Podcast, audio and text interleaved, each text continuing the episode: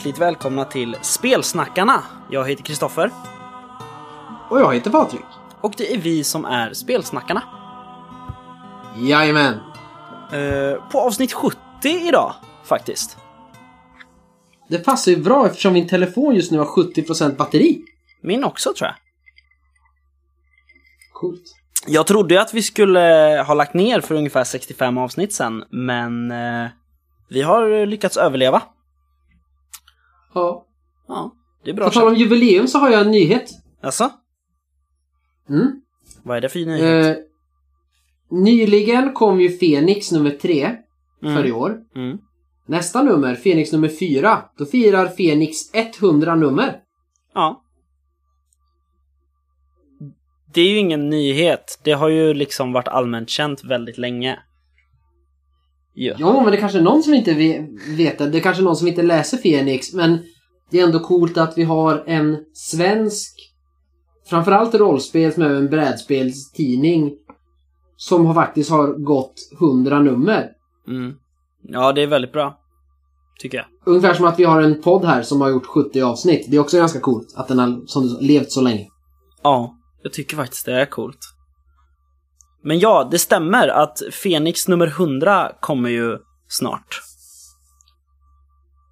Ehm, och det, jag är jättetaggad på det. Jag hoppas att det blir ehm, ett hejdundrande nummer. Det hoppas jag också. Eh, men sen, jag har tänkt på en sak med åskfågeln. Eller inte just åskfågeln, utan Fenix mer specifikt. Måste jag få säga. Ja. Och det är att äventyrsbilagorna är så tråkigt layoutade nu för tiden. Alltså de, de är ofta layoutade av de som har gjort spelet ifrån början. Liksom. Så att Symbarom eh, äventyr och så har fortfarande en Symbarom board liksom och Coriolis äventyr har den här layouten med tabula-skärmen liksom. Eh, Ja, och E.ON har ju sett likadan ut väldigt länge. Det är ju helt annat färg på pappret och, och allting. Precis. Men Fenix slutade ju, nu kommer jag inte ihåg för hur länge sedan, men det är ju inte längre så att äventyrsbilagorna trycks på ett eget papper och hamnar på mittutslag så de är lätta att plocka ur. Nej, men så var det ju för några år sedan så att man faktiskt kunde bända upp stiften och ta, ta ur dem och sen tillbaka. Precis, nu kan det ju vara så liksom att första sidan på ett äventyr, det hamnar på en, vad ska man säga, på, på baksidan av en högersida, eller vad man säger. Ja. Ehm, Så att första sidan är liksom en helt annan artikel.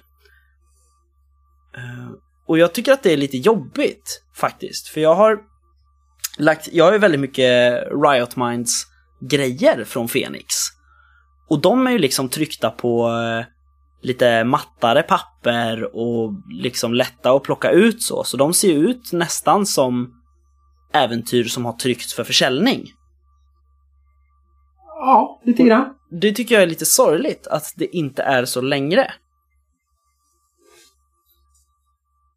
Jo, men, men det är ju äventyr i alla fall. Det ska man ju vara glad för. Ja, jo. Sen finns det ju säkert skäl till det här också. Tryckkostnader och, och mindre fix och sådana grejer liksom. Ja. Mm. Eller så är de inte ens medvetna om det. Nej, det kanske bara har blivit liksom. Ja. Eh, Men precis, det kom ju ett nytt Fenix eh, i förra veckan faktiskt. Precis, jag fick det igår och så nu måste jag göra en grej här. Aha. Eh, Jag, jag valde att inte förnya min prenumeration. Mm. Som gick ut med nummer två. Mm.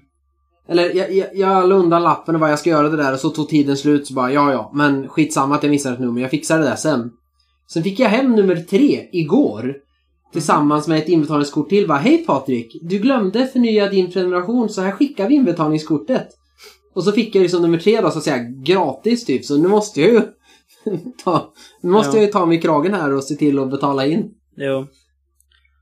Eh, tema, tema galenskap var det den här gången.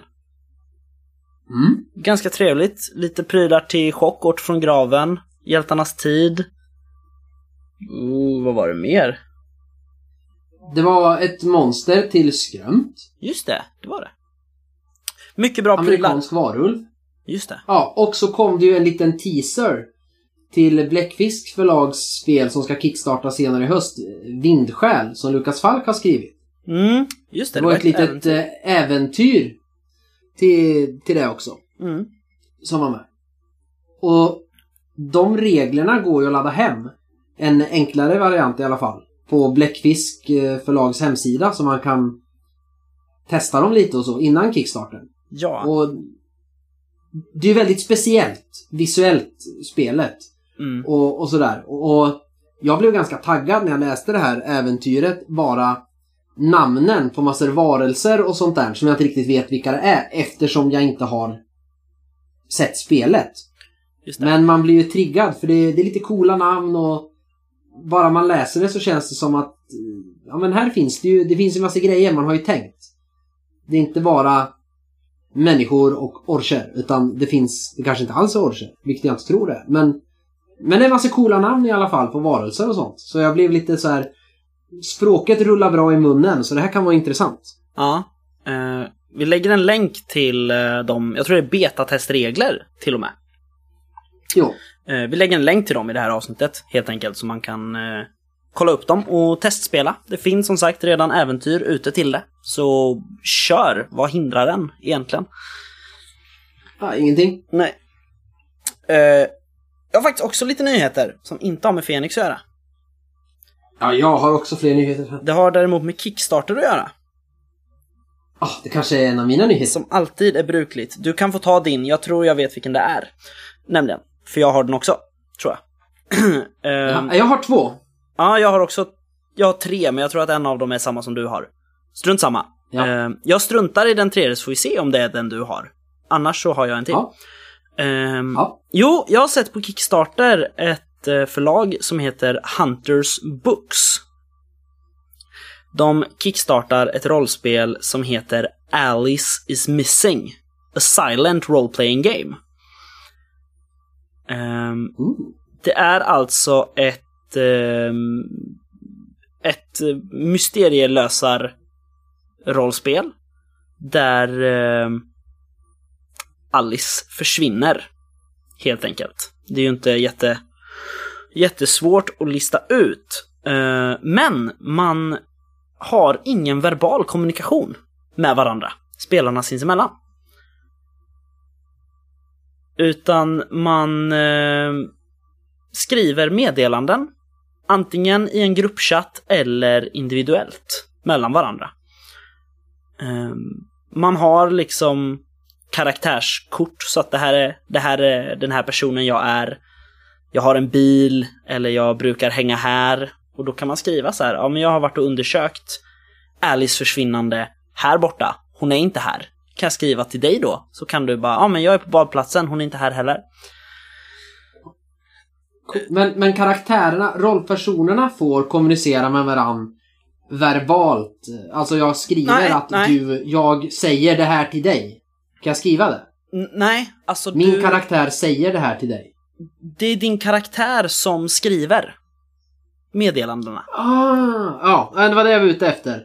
Att våra karaktärer träffas aldrig utan de undersöker på olika håll och Precis. bara pratar. Okej, ja men då blir det extra coolt. Det var det jag fundersam på om det bara var en, en grej för att göra det mer intressant så här att vi får inte prata med varandra utan vi får skriva vad vi säger. Men då är jag med Mm, att nej. karaktärerna träffas aldrig.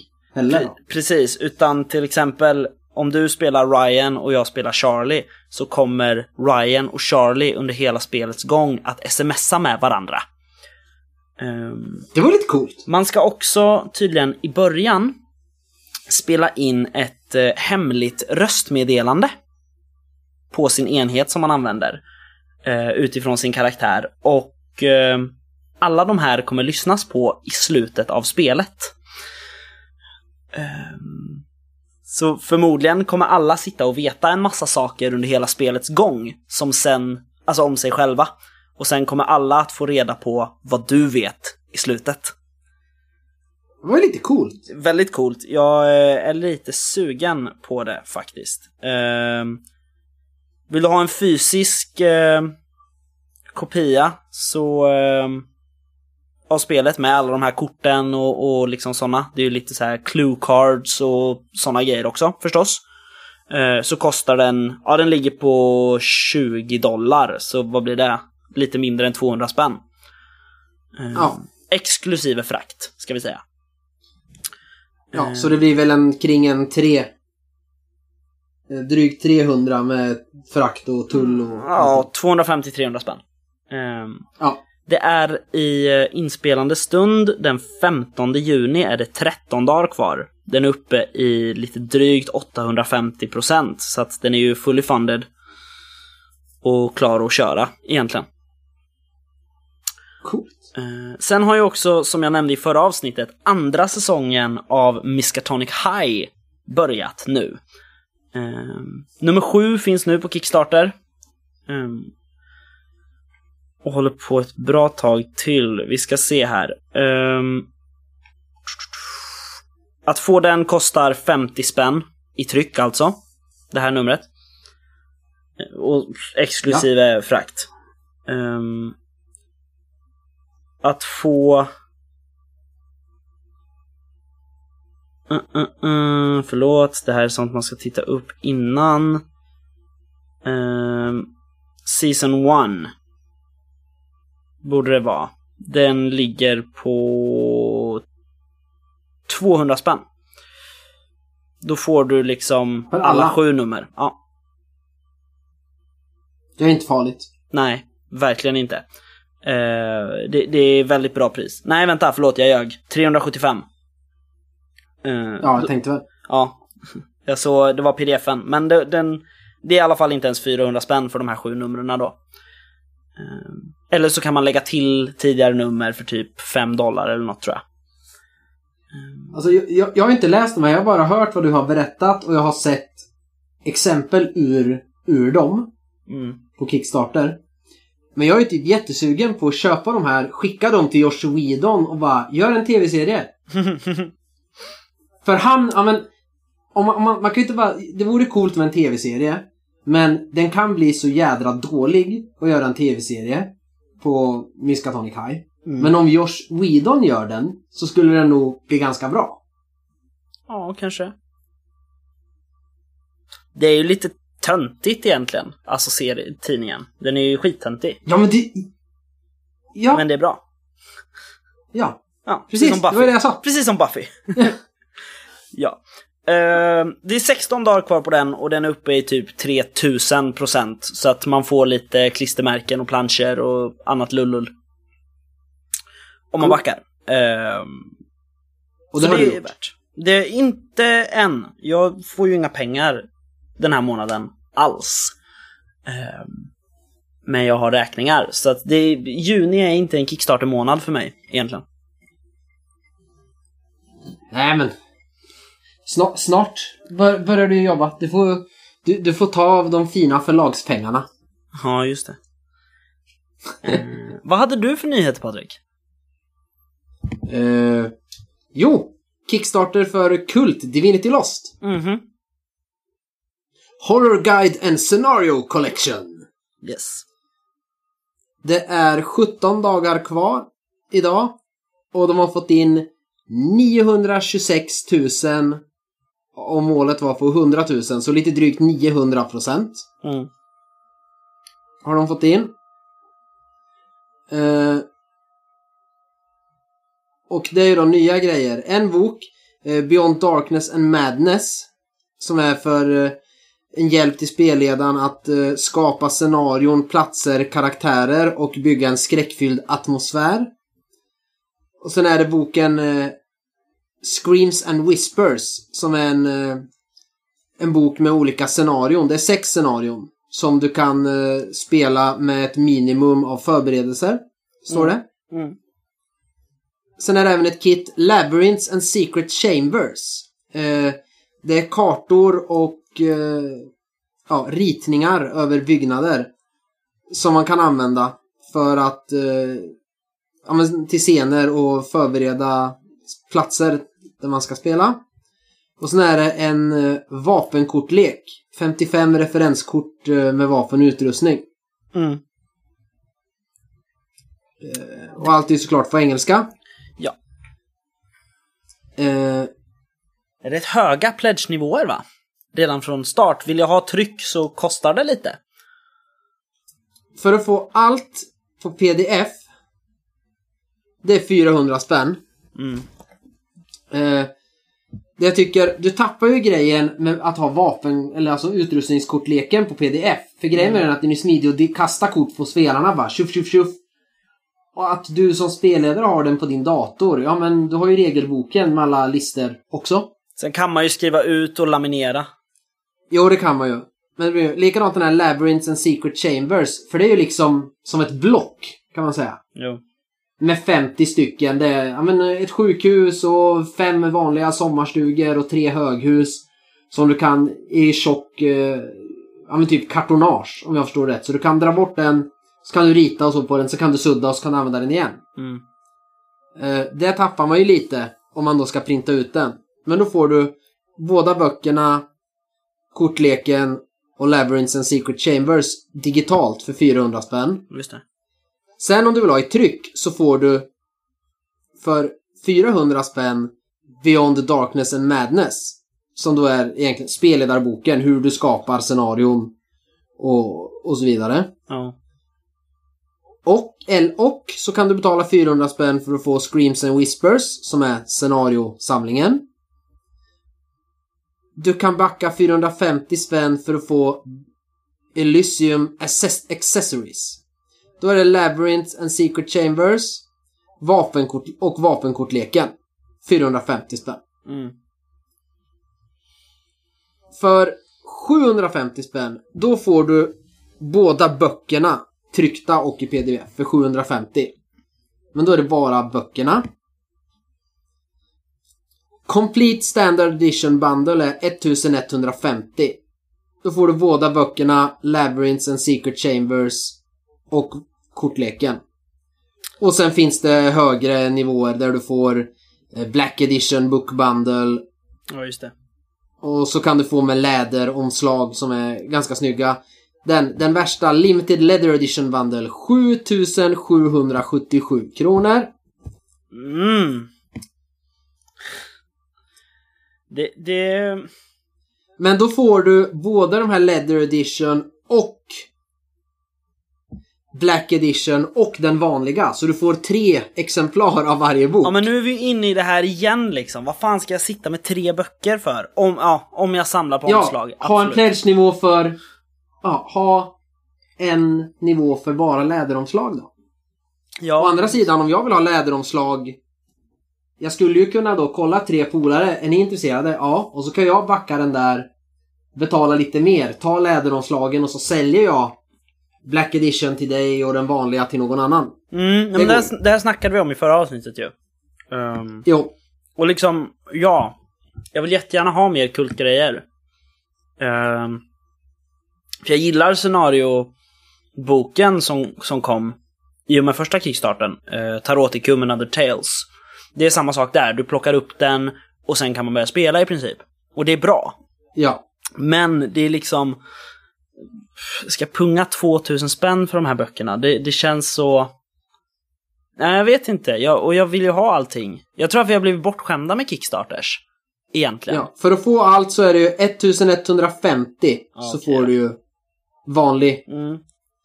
edition. Men jag Men tror, det är det jag tror att vi blir bortskämda. Att vi vill liksom, man tänker att ah, men drar de in så här många miljoner, då kan de väl sälja liksom en, en full pledge för 650 spänn. Eh, Ja, Men det vill de ju förstås inte. nej.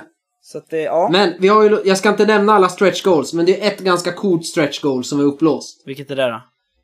Som från början var Secret Cult 30th Anniven- Anniversary Project. Mhm. Och det är att eh, Helmgast och Fandrake tillsammans gör eh, boken The Art of Cult. Mm, just det. Nu till 30-årsjubileet. Ja. Så det är Fandrake och Helmgast som gör den tillsammans. Mm, det är ju riktigt Så det kommer ju vara bilder av eh, Peter Andrew Jones, Nils Gulliksson, Peter Bergting och så vidare. Mm, Och den kommer kickstartas sept- i september och komma 2021.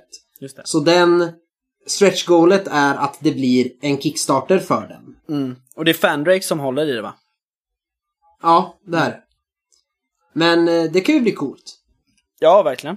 Och den kommer ju bli som MUTANT. Den kommer bli som MUTANT-boken. Att eh, det är ju alla utgåvor av Kult och kortspelen och alltihopa. Ja, precis.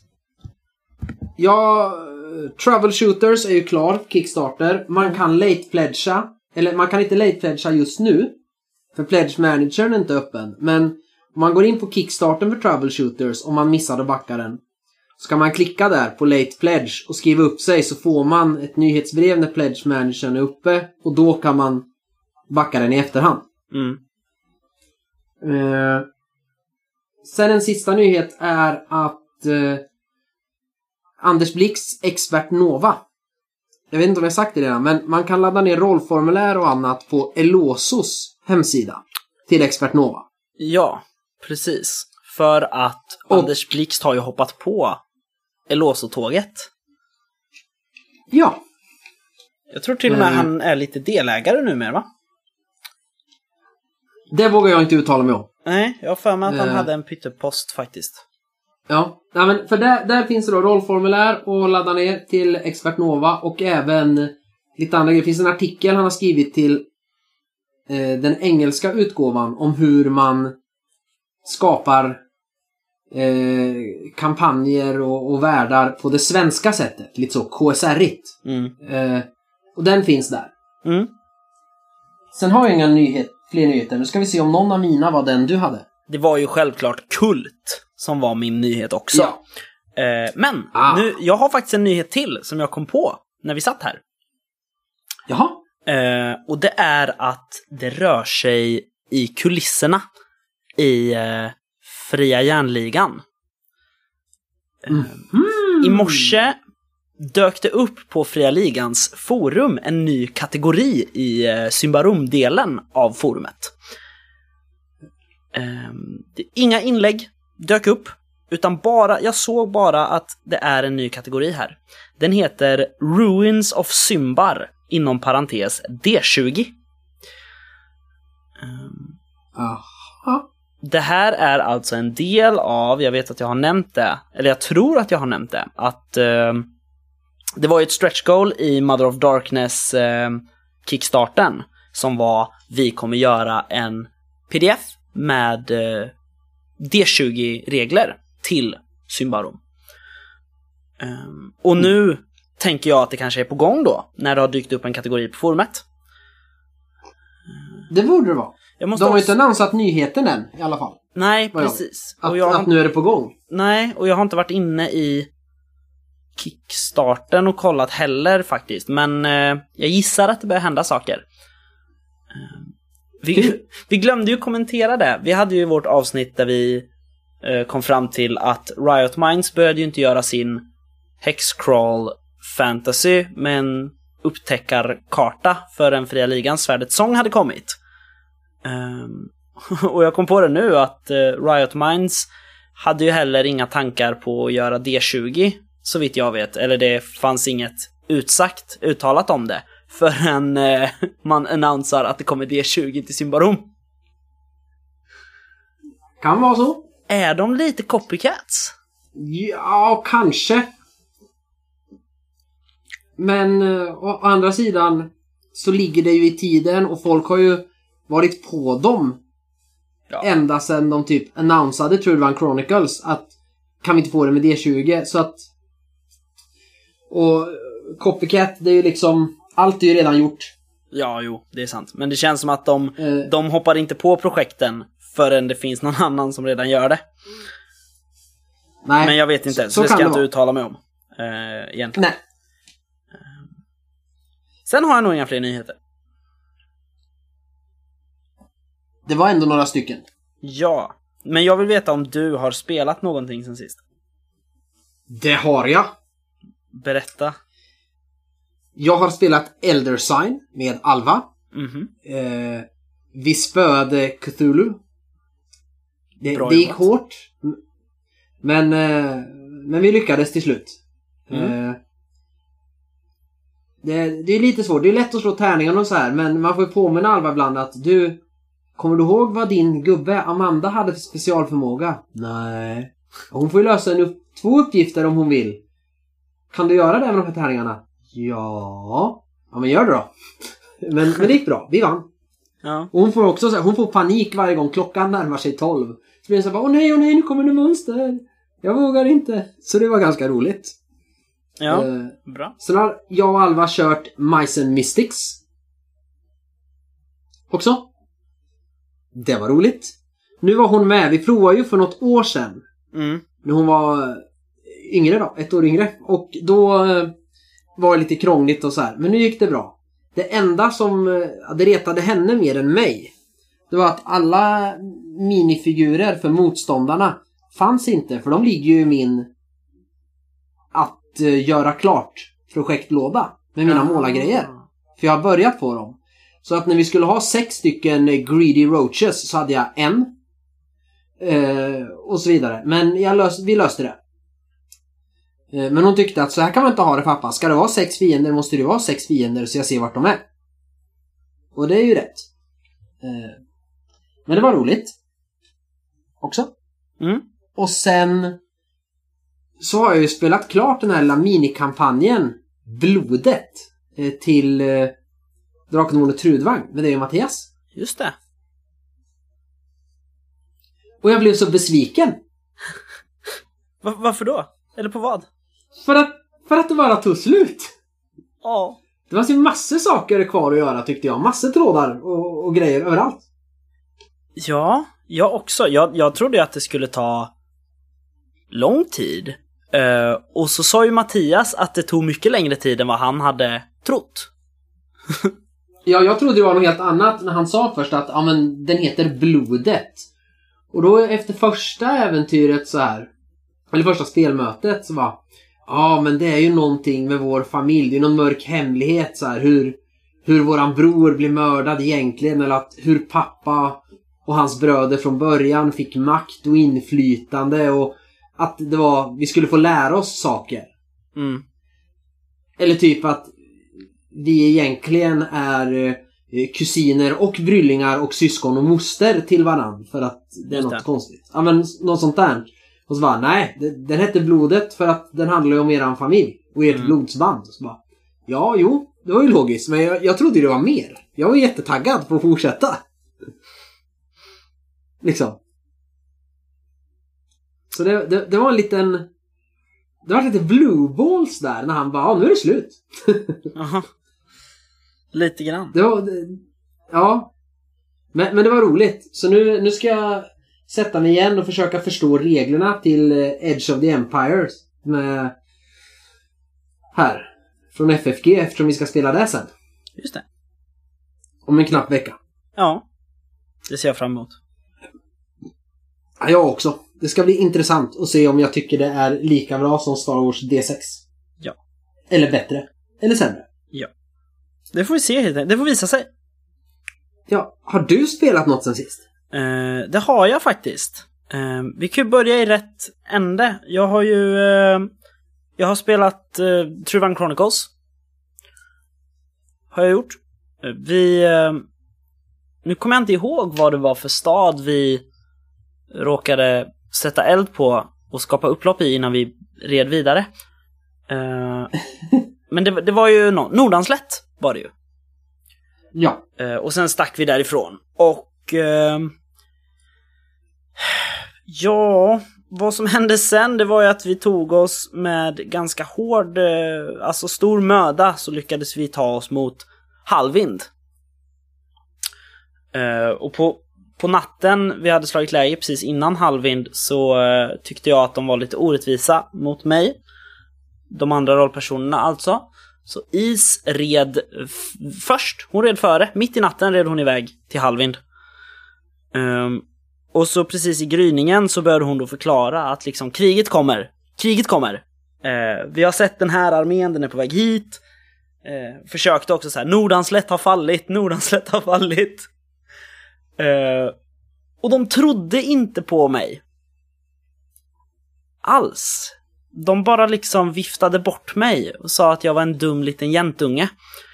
Ehm, så eh, vår eh, kamrat istrollet Wally som eh, är lite trollkunnig, gick in, spred en slags falsk pest i stan för att straffa dem för att de inte har tillit till oss.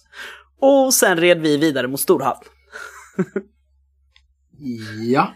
Jajamän, eh, på den vägen är det. Så att just nu håller vi, håller vi på att ta oss igenom Vildland liksom och, och eh, varna för det stundande kriget. Så att det, det tar lite tid, det gör det. Men eh, det går framåt. Vi ska spela igen i övermorgon.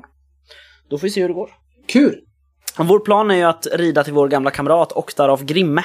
Och eh, han ska ju ha en hird, har vi eh, fått höra, ryktesvägen. Så att tanken är att samla den. Ehm, sen har jag spelat Vampire, The Masquerade. Vi börjar få ordning på de nya karaktärerna nu.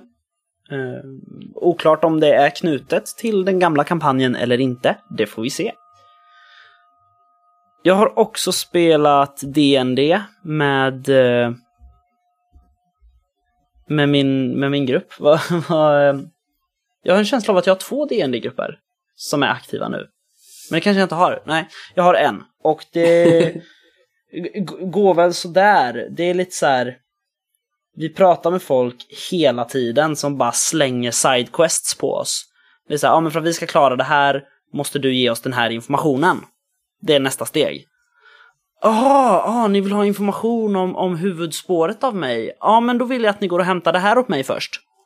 Och sen för att kunna hämta den grejen så måste ni lösa ett sidequest åt någon annan. Ja, men typ. Så att det är så här, be careful, it's a side Eh, som vi försöker akta oss för. Eh, men det går bra, det är kul. Eh, jag har också spelat näst sista scenariot i Chronicles of Crime, Welcome to Redview. The Witch har jag äntligen spelat färdigt nu. Ehm, bara ett scenario kvar som jag är skittaggad på. Där ska du få någon slags lösning för att det är ju en, en kampanj, liksom de här fyra scenarierna. Ehm, så jag är jättetaggad på det. Sen har jag faktiskt spelat Mörkborg, Kul! äntligen. Mm, för någon vecka sedan.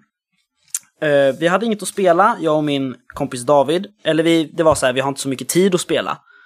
Så vi skrek att, nåja, vi... Eh, oh, varför inte lite Mörkborg? Och så tog jag fram den här lilla pamfletten man fick med i Kickstarter-versionen som heter Uråldrig hud. Just det.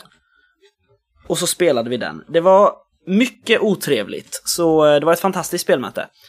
Eh, För att det var hemskt och vedervärdigt att spela och eh, ja. Jobbigt, tungt, äckligt, liksom stötande. Det var jättebra. Representativ för spelet, kände jag. Kul! Sen har jag nog inte spelat något mer. Ja. Nej, sen har jag inte spelat något mer, tror jag. Det var ju lite grann. Det var lite grann. Det har varit en, ett par intensiva veckor. Har du skrivit något sen sist? pyttelite. Jag har skrivit lite på min eh, handbok för superhjältar-kampanj, Svarta masken. Den ska ju få ett annat namn, tror jag. Men... Eh, ja, jag har skrivit lite på dem. Jag satt och läste första handbok för superhjältar, boken för vår systerson, William. Och eh, han ville höra mer. Men jag hade inte den andra boken med mig, så jag var tvungen att hitta på lite. Och då eh, fick det då hoppa in i äventyret. Kul! Eh, som jag satt och hittade på. Ja, sen har jag inte skrivit något mer. Har du skrivit något sen sist?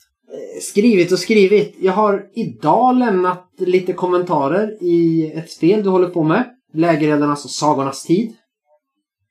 Mm. Där jag hittade lite saker som jag inte tyckte var bra. Eh, Ja. Och sen har jag nu äntligen tagit tag i och börjat eh, läsa igenom eh, den mörka regimen här så att det är rätt vad heter det? Storlek och Typsnitt. ku- kursivt och sånt. Där det ska vara. Ja. Så jag håller på och skriver här för fullt i ett eh, A5-block. Saker som ska rättas till. Så jag sen kan skriva det digitalt och skicka till dig. Just det. Smart. Sen har jag inte skrivit någon. KGB-fasoner. Ja, jo men det blir Nej. i, i och med att, att släppa fram datorn eller något och sitta och skriva på.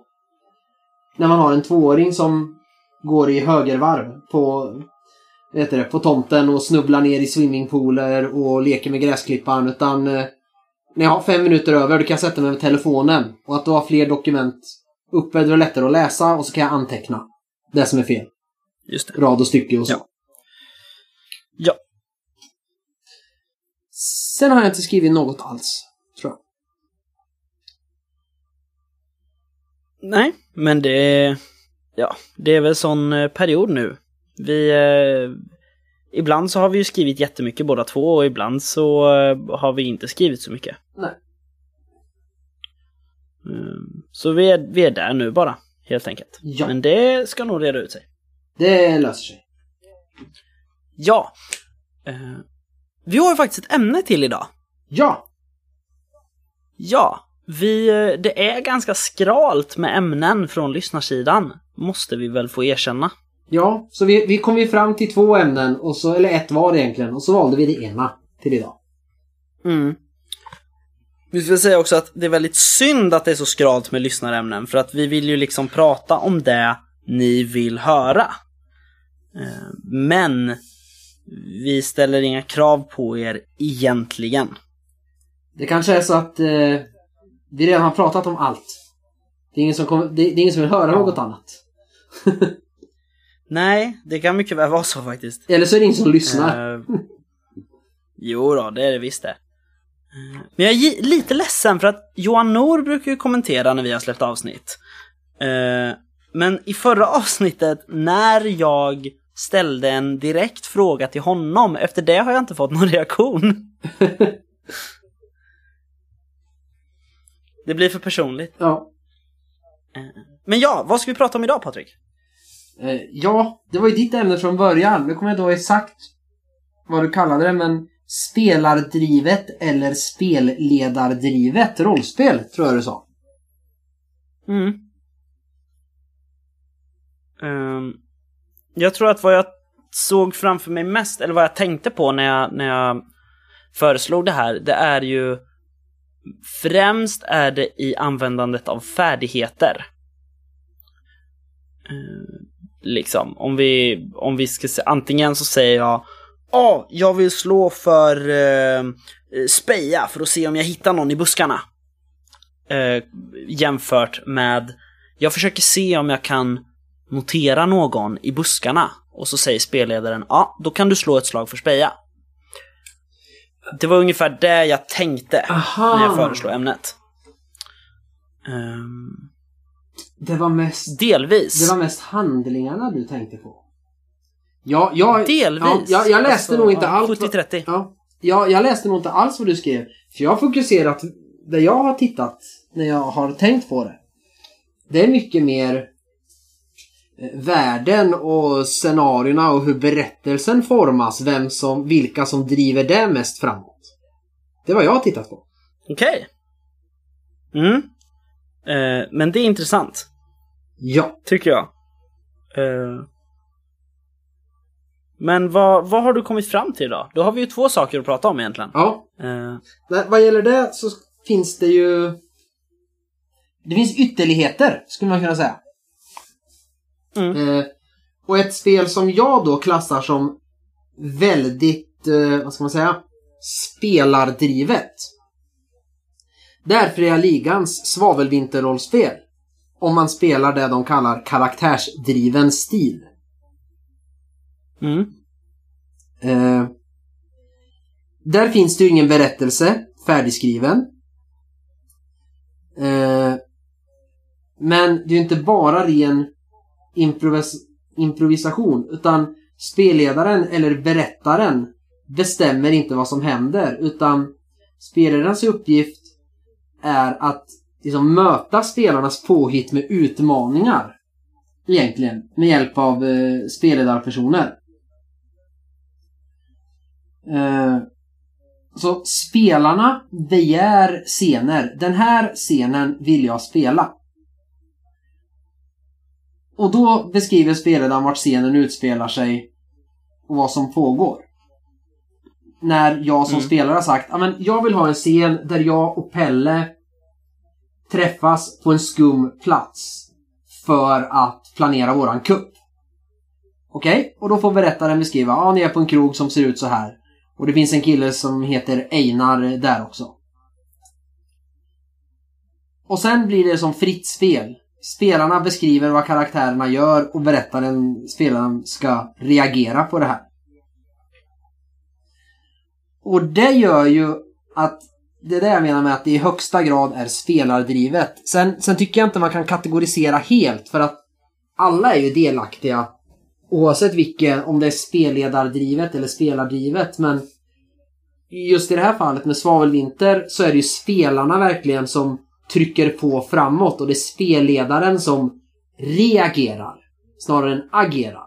Just det. Så det är ju mer tvärtom mot klassisk stil. Mm. skulle jag säga.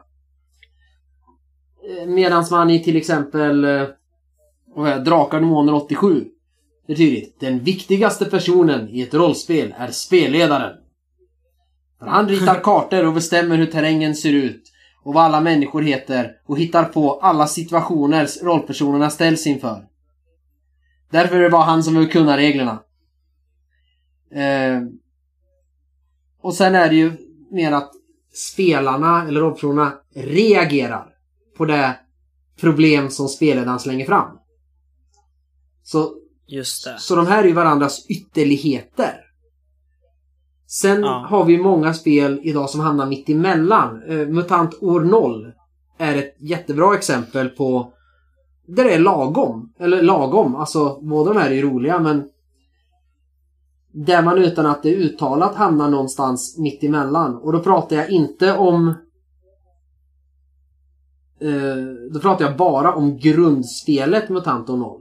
För i en Lavalfa Maskinarium och så vidare, där är det ju mera styrt om man kör de medföljande kampanjerna. Medan i år 0 är det just så öppet att du har de här zonsektorerna som man slår fram.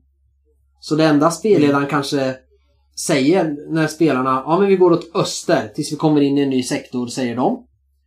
Ja, slå lite på en tabell. Ja, ni kommer in i en eh, zon bestående av eh, stadsruiner och det verkar finnas eh, såna här gula bågar som formar bokstaven M, för en av er vet hur M ser ut. Och det upp till spelarna och det är tydligt också i att spelarna hjälper till att beskriva världen. Och hur den Mm. ser ut.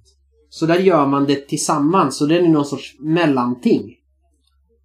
Och Just det. det är väl så jag, jag framförallt spelar idag och uppskattar att spela. Att eh, det är inte spelledaren som skapar hela världen och hela handlingen utan ett, ett, ett ramverk och det är inte heller spelarna som bara kör på och så ska SL reagera utan det här mittemellan att spelaren beskriver att ni är i den här stan. Sen när ni går in på puben så kanske spelaren frågar Hur ser det ut på den här puben? Eh, så att man har en... Så att alla deltar med att skapa den här världen. Just det. Eh, Men det där känner jag igen, då, och då gör vi egentligen inte efter boken, för om jag får jämföra med vår, eller min Vampire-grupp till exempel. Ja. Vi har ju egentligen inte alls läst regelboken särskilt noggrant, bortsett från vid karaktärsskapande och sen liksom grunden i, i Storytel-motorn Nej. hur det ska funka och så. Men för det är ju liksom jag, det, alla spelmöten börjar ju med att de slår upp ögonen hemma hos sig. Eh, och då måste de ju äta. Och det tänker inte jag lägga mig i och bestämma var de jagar någonstans eller vem de dricker ifrån. Utan då måste det få vara så att om, om eh, Tomas känner att han Ja men ikväll vill jag jaga på den här gatan. Här. För han jagar liksom på bakgator. Han är liksom ett rovdjur på det sättet. Ehm, då är det så här, ja då måste jag måla upp den gatan, fundera ut, är det någon som går på den här gatan vid den här tiden? Vem är det? Vad har hen i fickorna? Alltså, jag skulle säga att det är spelarna i det fallet som verkligen bestämmer Och jag på något sätt måste finnas där för att tillgodose deras önskemål. Om du fattar vad jag menar. Ja, ja men precis. Eh, För jag har ju väldigt lite så att säga till om att eh, ah, du går till den här gatan där du vet att det finns personer att eh, dricka blod ifrån. För att jag tycker att det blir så jävla tråkigt om jag ska kasta dem i liksom så exakta riktningar. Precis, men där är ju också att det då inledningsvis är väldigt spelardrivet. Där du hjälper till. M- Men det blir ju ett, ett samspel och att ni hjälps åt. För när då Antonio går på Kyrkogårdsgatan och, och dricker eh, från den här laboratoriestudenten vid, vid universitetet. Så eh, händer det ju, så bestämmer ju du att han blev ju sedd Ja. av vampyrjägaren Agatha van der Gast. Och, och som är honom på hack i häl. Så att Jo. det blir ju så. Ja, eh, så att det... Eller helt enkelt att eh, den stackars eh, studenten hade, no, hade någon obotlig blodsjukdom så stackars vampyren blir sjuk. Ja. Eller att personen har ett föremål på sig som är knutet till kampanjen jag har bestämt att vi spelar. Alltså, Ja men precis. Så att det är ju det som är med just den här kampanjen. Det är ju så spännande för att det är verkligen alla som är med bygger den tillsammans, även om det inte alltid känns så. Ja. Så att, eh, ja. Men... Eh, mm, och då är ju det ändå ett exempel. Det, det är ju liksom, vi går ju igenom väldigt mycket vad som står i olika spel, rent explicit. Så här gör man när man spelar det här spelet. Medan det här är liksom, jag vet inte, jag har inte riktigt koll på vad som står i Vampire om det här. Utan det har bara blivit att det här är ett sätt alla är bekväma att spela det här spelet på. Men det matchar ju lite liksom Svavelvinter-tänket, känner jag. Ja. Och sen... Eh... Vad heter det? Men det är lite så, varselklotet gör ju det där också. Just för att man ska vara delaktig och hjälpas åt. När det är att man ska, spelarna ska begära eller beskriva en, en vardagsscen. Under varje spelmöte. Att, eh, ja men nu vill jag ha en scen, ja min vardagsscen, ja men jag vill ha en scen där jag och mamma verkligen pratar ut om det som hände förra helgen. För jag mår jättedåligt över det. Och så fixar spelaren det, men det är spelaren som tar initiativet. Mm. Och så fortsätter äventyret. Så där finns det ju med på pränt och blir så att det blir naturligt att spela så. Och jag tror det är därför jag spelar så nu, eller vi. För så har inte jag gjort förut. Nej. Utan SL beskriver allting. Och spelarna får reagera genom att säga jag slår honom, eller jag hoppar, eller jag lyfter en sten. Ja, Eh. ungefär. Medans att det här står i olika spel. Ur varselklotet till exempel. eh, Svavelvinter, andra spel. Har gjort att man får fler verktyg. Att ja, men det här tar jag till mig. Så här kan man ju liksom göra. Eh, och det är därför det är bra att det kommer nya spel hela tiden. Att marknaden inte är mättad. För det finns alltid Mm. något nytt man kan lära sig. Eh, och sen använder jag ju det även i spel där det inte står i regelboken. Jag spelar ju Dodd 87 på lite samma sätt också nu. För att jag har kommit på att det här är ganska bra.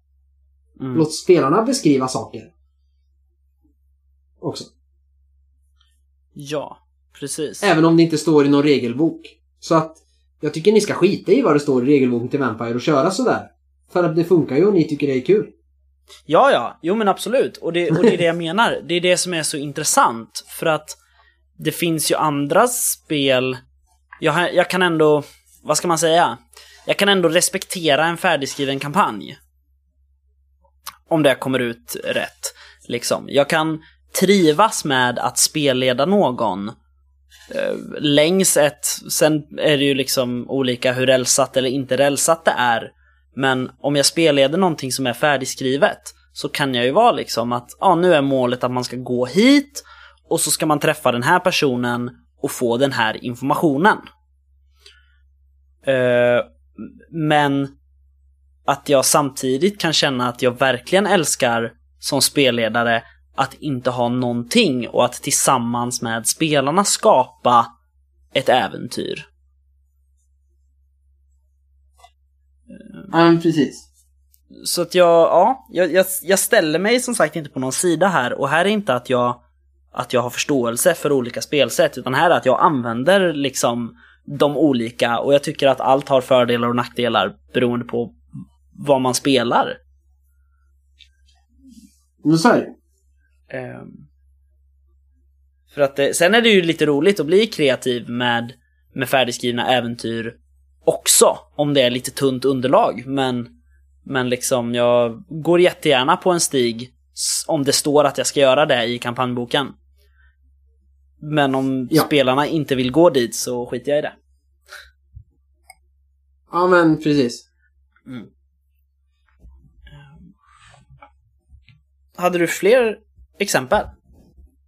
Konkret? Nej, jag, jag är mer intresserad på att höra dina exempel här just med, med färdigheterna och hur du tänker där att det finns spelardrivet eller spelledardrivet gällande färdigheter. Alltså jag är mest, det, det är två saker jag tänker på. En grej är eh, en sak jag har trott har stått i MUTANT år 0. Och jag har letat och letat i regelboken men jag har inte hittat det. Eh, men Jäklar, förlåt. Nu började min Google, eh, Google Home skrika på mig här. Jag blev skiträdd. Eh, Gud vad läskigt. Eh, det är lite rollspel här hemma kan vi säga. Lite mysterium. Men eh, det står, jag hade för mig att det stod i MUTANT år 0 att eh, spelaren säger vad rollpersonen vill åstadkomma. Som jag sa förut, jag vill kika i buskarna om det är någon som gömmer sig där. Och då ska spelledaren då bestämma att ja, då kan du slå ett slag för speja. Ehm, om, om spelledaren tycker att det är rimligt i situationen. Medan det annars, en annan spelledare kanske skulle tycka att det är ett slag på smyga. För att ta sig nära obemärkt och titta om det finns någon där.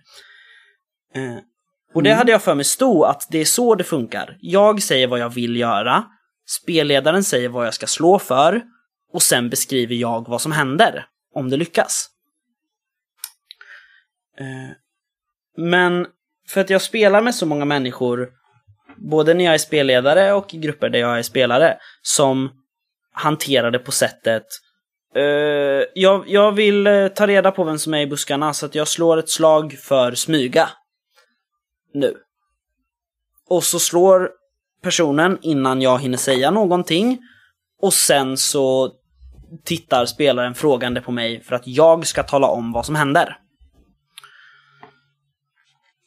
Så Ja. det är liksom, det är de här två olika skolorna. Och vad jag har kommit fram till då, vad jag hade koll på faktiskt stod i MUTANT år 0, det är att eh, det står att man ska beskriva vad man vill uppnå och vad man är ute efter. Sen ska man slå tärning. Det står inte vem som väljer liksom färdighet eller så, men man ska säga vad man vill, sen slår man tärningarna. Om du lyckas, står det, tolka resultatet och berätta vad som händer. Hur reagerar din fiende? Pressar du ditt slag? Beskriv hur du gör. Gör det själv, vänta inte på SL. Så att det är liksom, vid ett lyckat slag, då är det jag själv som spelare som bestämmer utfallet här. Ehm, det är liksom filosofin som MUTANT år 0 är skapad med. Ehm, Medan i andra spel är det ju liksom ganska hårt fokus på att det är SL som faktiskt berättar vad som händer. Ja. Ehm, Och, det, och det, det är det jag tycker är väldigt intressant för att jag kan jag kan bli både frustrerad och jag kan göra samma sak själv. Det här med att jag kan liksom säga, jag ställer ju mycket frågor istället. Får jag använda smyga för att försöka kolla om det är någon i buskarna? Och då kan SL säga, ja men det låter rimligt. Eller nej, använd speja istället. Ehm, eller så kan jag bara, jag vill kika om det är någon i buskarna och då få från SL. Medan jag möts av spelare som bara är så här. Ah, jag slår för det här för att ta reda på det här. Jag misslyckas, jag hittar ingenting. Eh, och då känner jag att det går att bli spelardrivet på ett sätt som gör mig mest frustrerad. Ja, Eh, jag försöker göra någonstans mitt emellan. Mm, Tror jag. Och, och jag vill gärna att mina spelare just ska vara kreativa och berätta vad de gör. ja. Men även just fokusera på vad deras karaktär har för starka och svaga sidor.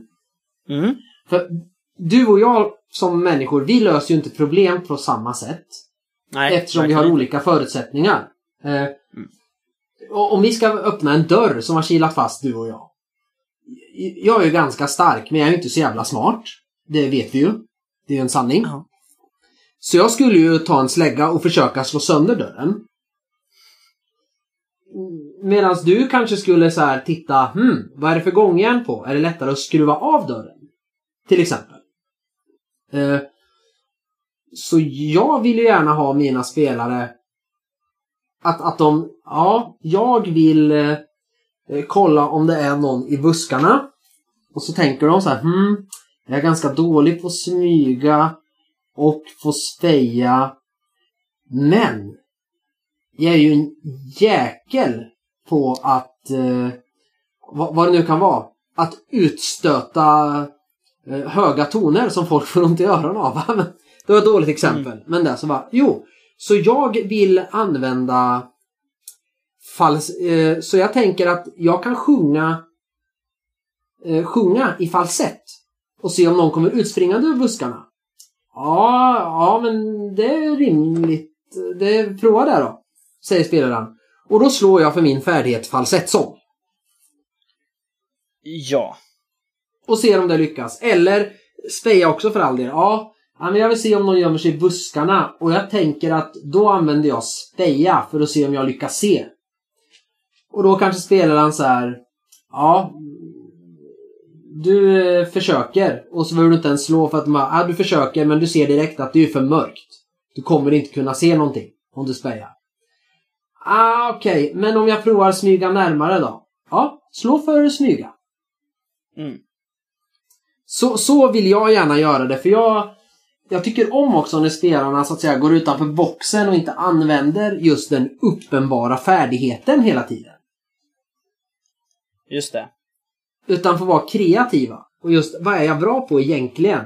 Sen i vissa fall är det ju svårt. Eh, om, du, om du är i eldstrid med någon så är det ju lite svårt att använda något annat än skjuta. För att faktiskt skjuta. Det är ju Ja. ganska svårt. Eh, Men jag håller med dig, absolut. Och jag känner att i, eh, i just Vampire så funkar ju det här ganska bra.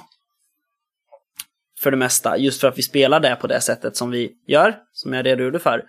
Eh, för där har ju inte egentligen färdigheterna har ju inga fasta inga fasta liksom grund grundattribut, alltså grundegenskaper som de ställs emot. Liksom. Utan det finns, om det är nio grundegenskaper och så en jättemassa färdigheter. Och så beroende på hur situationen ser ut så kan man korsa dem allihop. Eh, coolt. Ja, jag gillar det. Det ger mig... Jag tycker att mycket saker blir rimliga. I en fistfight till exempel, som vi hade förra spelmötet, då stod det i den här bara, ja men jag vill, jag vill använda brawl, sa, sa spelaren då. Eh, för jag vill brotta ner honom och försöka ta hans kniv. Ska jag slå en strength brawl? Säger han då. Eh, nej, sa jag. Du kan stå, slå en dexterity brawl. Eftersom du försöker puckla på honom samtidigt som du aktar dig för hans kniv och försöker få tag i den. Ehm, så att det liksom... Här är det verkligen så här, här vill jag verkligen att spelarna berättar vad de vill åstadkomma. För att i just det här systemet så blir det lättare för mig att skräddarsy grundegenskap, färdighet, kombon efter situationen. Om jag vet exakt vad du vill göra. Om du fattar. Ja. Jag tror jag fattar. Mm. Um, så det, jag hade ju tänkt så här att, det, att vi skulle ha en uppsjö med spel och, och läsa igenom och berätta hur de ser ut, men uh, det blev inte så, men det är kanske för det bästa. Istället så får vi prata om hur vi ser på det. Uh, nej men för... Jag är lite så här, det, här med varför ska jag ha en spelledare om inte spelledaren ska berätta någonting? Egentligen. Och därför känner jag ju att jag som spelledare vill ha ganska mycket, jag vill ha ganska många arbetsuppgifter. Så att jag verkligen har någonting att göra. Ja. Um, men det, ja. Men vilket är bäst då? Eller vilket spelar du mest? Du har ju sagt att du blandar lite, men eh, hur liksom, vad var det första du lärde dig? Hur spelade du först? Uh, ja men först spelade jag ju... Från början så spelade jag ju att man sa ju... Du sa inte ens vad du försökte göra. Utan eh, eh det, det var ju SL som till och med sa åt dig. Ja, ah, du kommer fram till, eh, till den här dörren. Eh, men den är låst, så du får slå för styrka för att slå sönder den. Just det. För så stod det ju... Ja men när man... Eh, när man läste... Vad heter det? I färdiga äventyr och sånt från äventyrsspel så stod det ju... Man måste använda styrka. Ja. Så då gjorde man så. Jo men det, ja. Det är rimligt. För grejen är att det står ju fortfarande så i, i många färdiga äventyr. Att, eh, alltså till och med i, i spel som eh, ur varselklotet till exempel, som är ganska en bra blandning mellan spelardrivet och spelledardrivet, så står det ju också så här, ett lyckat slag på styrka krävs för att få undan den här grejen. Men då är det ändå så här, jag känner inte att det behöver betyda att jag säger ah, ni, om ni, slår, ni går fram och letar i det här rummet. Sen efter ett tag så kommer ni på att ni kan ju lyfta undan den här grejen, så slå ett slag på styrka för att få bort den. Utan jag kör ju fortfarande den här liksom, att ja, ah, ni går omkring och letar i rummet. Och sen säger någon, skulle man inte kunna flytta på den här grejen? Ja, du kan försöka med ett slag på styrka. Och sen får man berätta utfallet. För det är det som blir det här, det är det här som blir det här med Mutantor 0. Att det finns ju situationer, nu kanske det här är anpassat då för just zonsektor prylen, men ska jag spela ett färdigt äventyr, då finns det ju jättemånga saker spelarna omöjligen kan berätta resultatet av. Ja, men precis. De kan ju inte berätta vad som finns bakom den här dörren när de har lyckats slå in den. Och jag slår in dörren och eh, där bakom ser jag det här. Eller jag ser att det inte ligger någon person i buskarna när jag har smugit fram. Ja, men precis. Så att det är liksom... Det har sina brister tycker jag att skriva på, på det sättet som man har gjort i Mutantor 0. För där står det ju att enda gången SL ska berätta utfallet, det är vid misslyckanden. Medans om ni står och slåss så kan SL vara ja, eh, den här personen kommer dö nu eftersom du gjorde så här mycket skada. Vill du beskriva hur du gör det? Ja. Och så beskriver man det. Ja. Jag tror att det var väl det första så spelar driv egentligen vi inkluderade när vi spelade rollspel ifrån början. Att när man har varit i en strid ett tag så slår man ett bra slag och så ler SL och säger berätta vad som händer. Ja. Och så fick man så otroligt fria tyglar. Så ja, det, det är liksom precis som allt annat så är det bara, det handlar om olika sätt att, att spela på helt enkelt. Det, det är en spelstil att göra olika och jag blandar ganska mycket beroende på med vem jag spelar, vilket spel, vilket äventyr. Frågan är om vi inte har nått en slags slut i den här diskussionen. Egentligen. Ja, eh, SL kan beskriva saker, spelarna kan beskriva saker och man kan göra det tillsammans och inget är finare än det andra. Som vanligt. Mm, nej, precis. precis som fast vanligt. Jag tyck, fast jag tycker det är lite roligare när man kan göra det tillsammans. Ja, det är ju det det handlar om. Det är att vi ska göra någonting tillsammans. Eh, och då känner jag att om det är SL som står för äventyret så får ju spelarna stå för vad som händer i äventyret. Liksom resultatet av sina handlingar. Jo, men det blir just intressant när man tittar på hur man skapar äventyret. Det, Ja. det är därför jag tog de här andra exemplen. Just att måste verkligen SL skapa äventyret? Och det är lite där jag hade som idé också. Det här kom in lite grann i i det här Lägereldarnas och sagornas tid som jag höll på med. Där jag skriver en appendixgrej, Lägereldsspel. Ja. Där spelarna liksom tar fram eh, äventyret eller spelmötet, vad det ska handla om. Innan man börjar spela. Jo. Eh, för att det behöver inte alltid vara en spelledare som står för ett äventyr eller att man har köpt det. Utan man kan göra det på andra sätt och det kan bli ganska roligt. Ja, absolut. Det är ju... Eh, ditt rollspel... Eh, nu kommer jag inte ihåg vad det heter. Piratrollspelet. Tång och tampar. Tång och tampar, just det. Det funkar ju väldigt mycket så. Det bygger man ju tillsammans. Ja. Eh, Så att det är absolut. Det är, och fiasko är ju också liksom skitkul. Där har man ingen spelledare alls. Så att jag... eh, Det finns absolut sätt att, att lösa det åt det ena eller det andra hållet. Men jag... I grunden vill jag inte ha en så... Vad ska man säga? Total uppdelning liksom för någon. För jag tror inte att det blir roligt i längden. Nej, jag, jag är ju lite så med just Mutanto 0. För jag vet ju många där som tyckte att Mutanto 0 var skitbra just för att det var de här tabellerna och det med zonsektorerna. Det fanns inga färdiga äventyr utan det fanns platser. Eh, och många tyckte det var jättebra. Och så vart de besvikna när det vart mer rälsade kampanjer i de kommande boxarna. Och jag var lite tvärtom. Jag tyckte så här. Men varför får jag ingen megakampanj i till MUTANT år 0?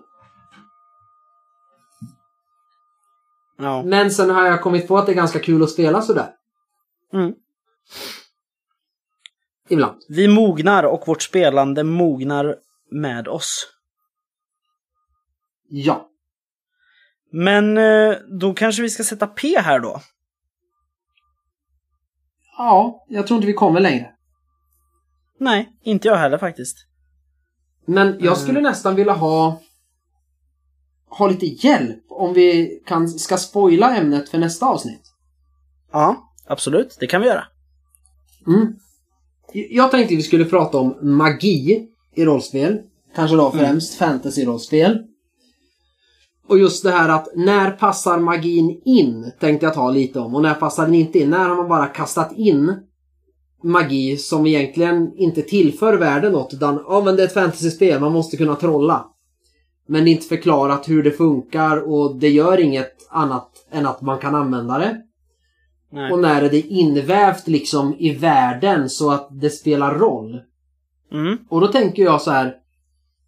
Finns det några rollspel? Jag vet ju att det finns några men eh, tips på, på spel där magin verkligen är knuten till hela settingen och reglerna så att spelet klarar sig inte utan den. Liksom, finns det några spel där förutsättningen är att alla är magiker? Eller att alla i hela världen har magiska förmågor? Eller ett spel som utspelar sig på en trollkarlsakademi någonstans? Eller, eller liknande. Så att man kan titta på dem, för det är jag intresserad av. För jag har hittat många spel där det känns just som att här har man klistrat in ett magikapitel och inte tänkt på det mer. Utan magi ska man ha. Just Och så det. finns det vissa spel där det finns lite så här, ja men eh, man hatar magiker här borta. Och det funkar typ lite så här. Men finns det spel som fokuserar extra hårt på det där? Får lyssnarna gärna höra av sig. Så vi kan kolla på det inför det avsnittet. Ja. Och jag vill också gärna flika in med en efterlysning på mitt håll som är tvärt emot. Finns det bra fantasyspel som inte har magiregler? Det är också bra. Den är bra. Ehm, och de här uppgifterna, om man känner att man vill lämna några sådana, kan man mejla till oss på spelsnackarna.gamer.com Man kan gå in på facebook.com spelsnackarna och eh, skriva som kommentar där. Eller gå in på Messenger och skriva till spelsnackarna. Och det Ja. var nog det. Mm. Men eh, vi hörs om två veckor. Det gör vi. Hej då Kristoffer! Hej då Patrik!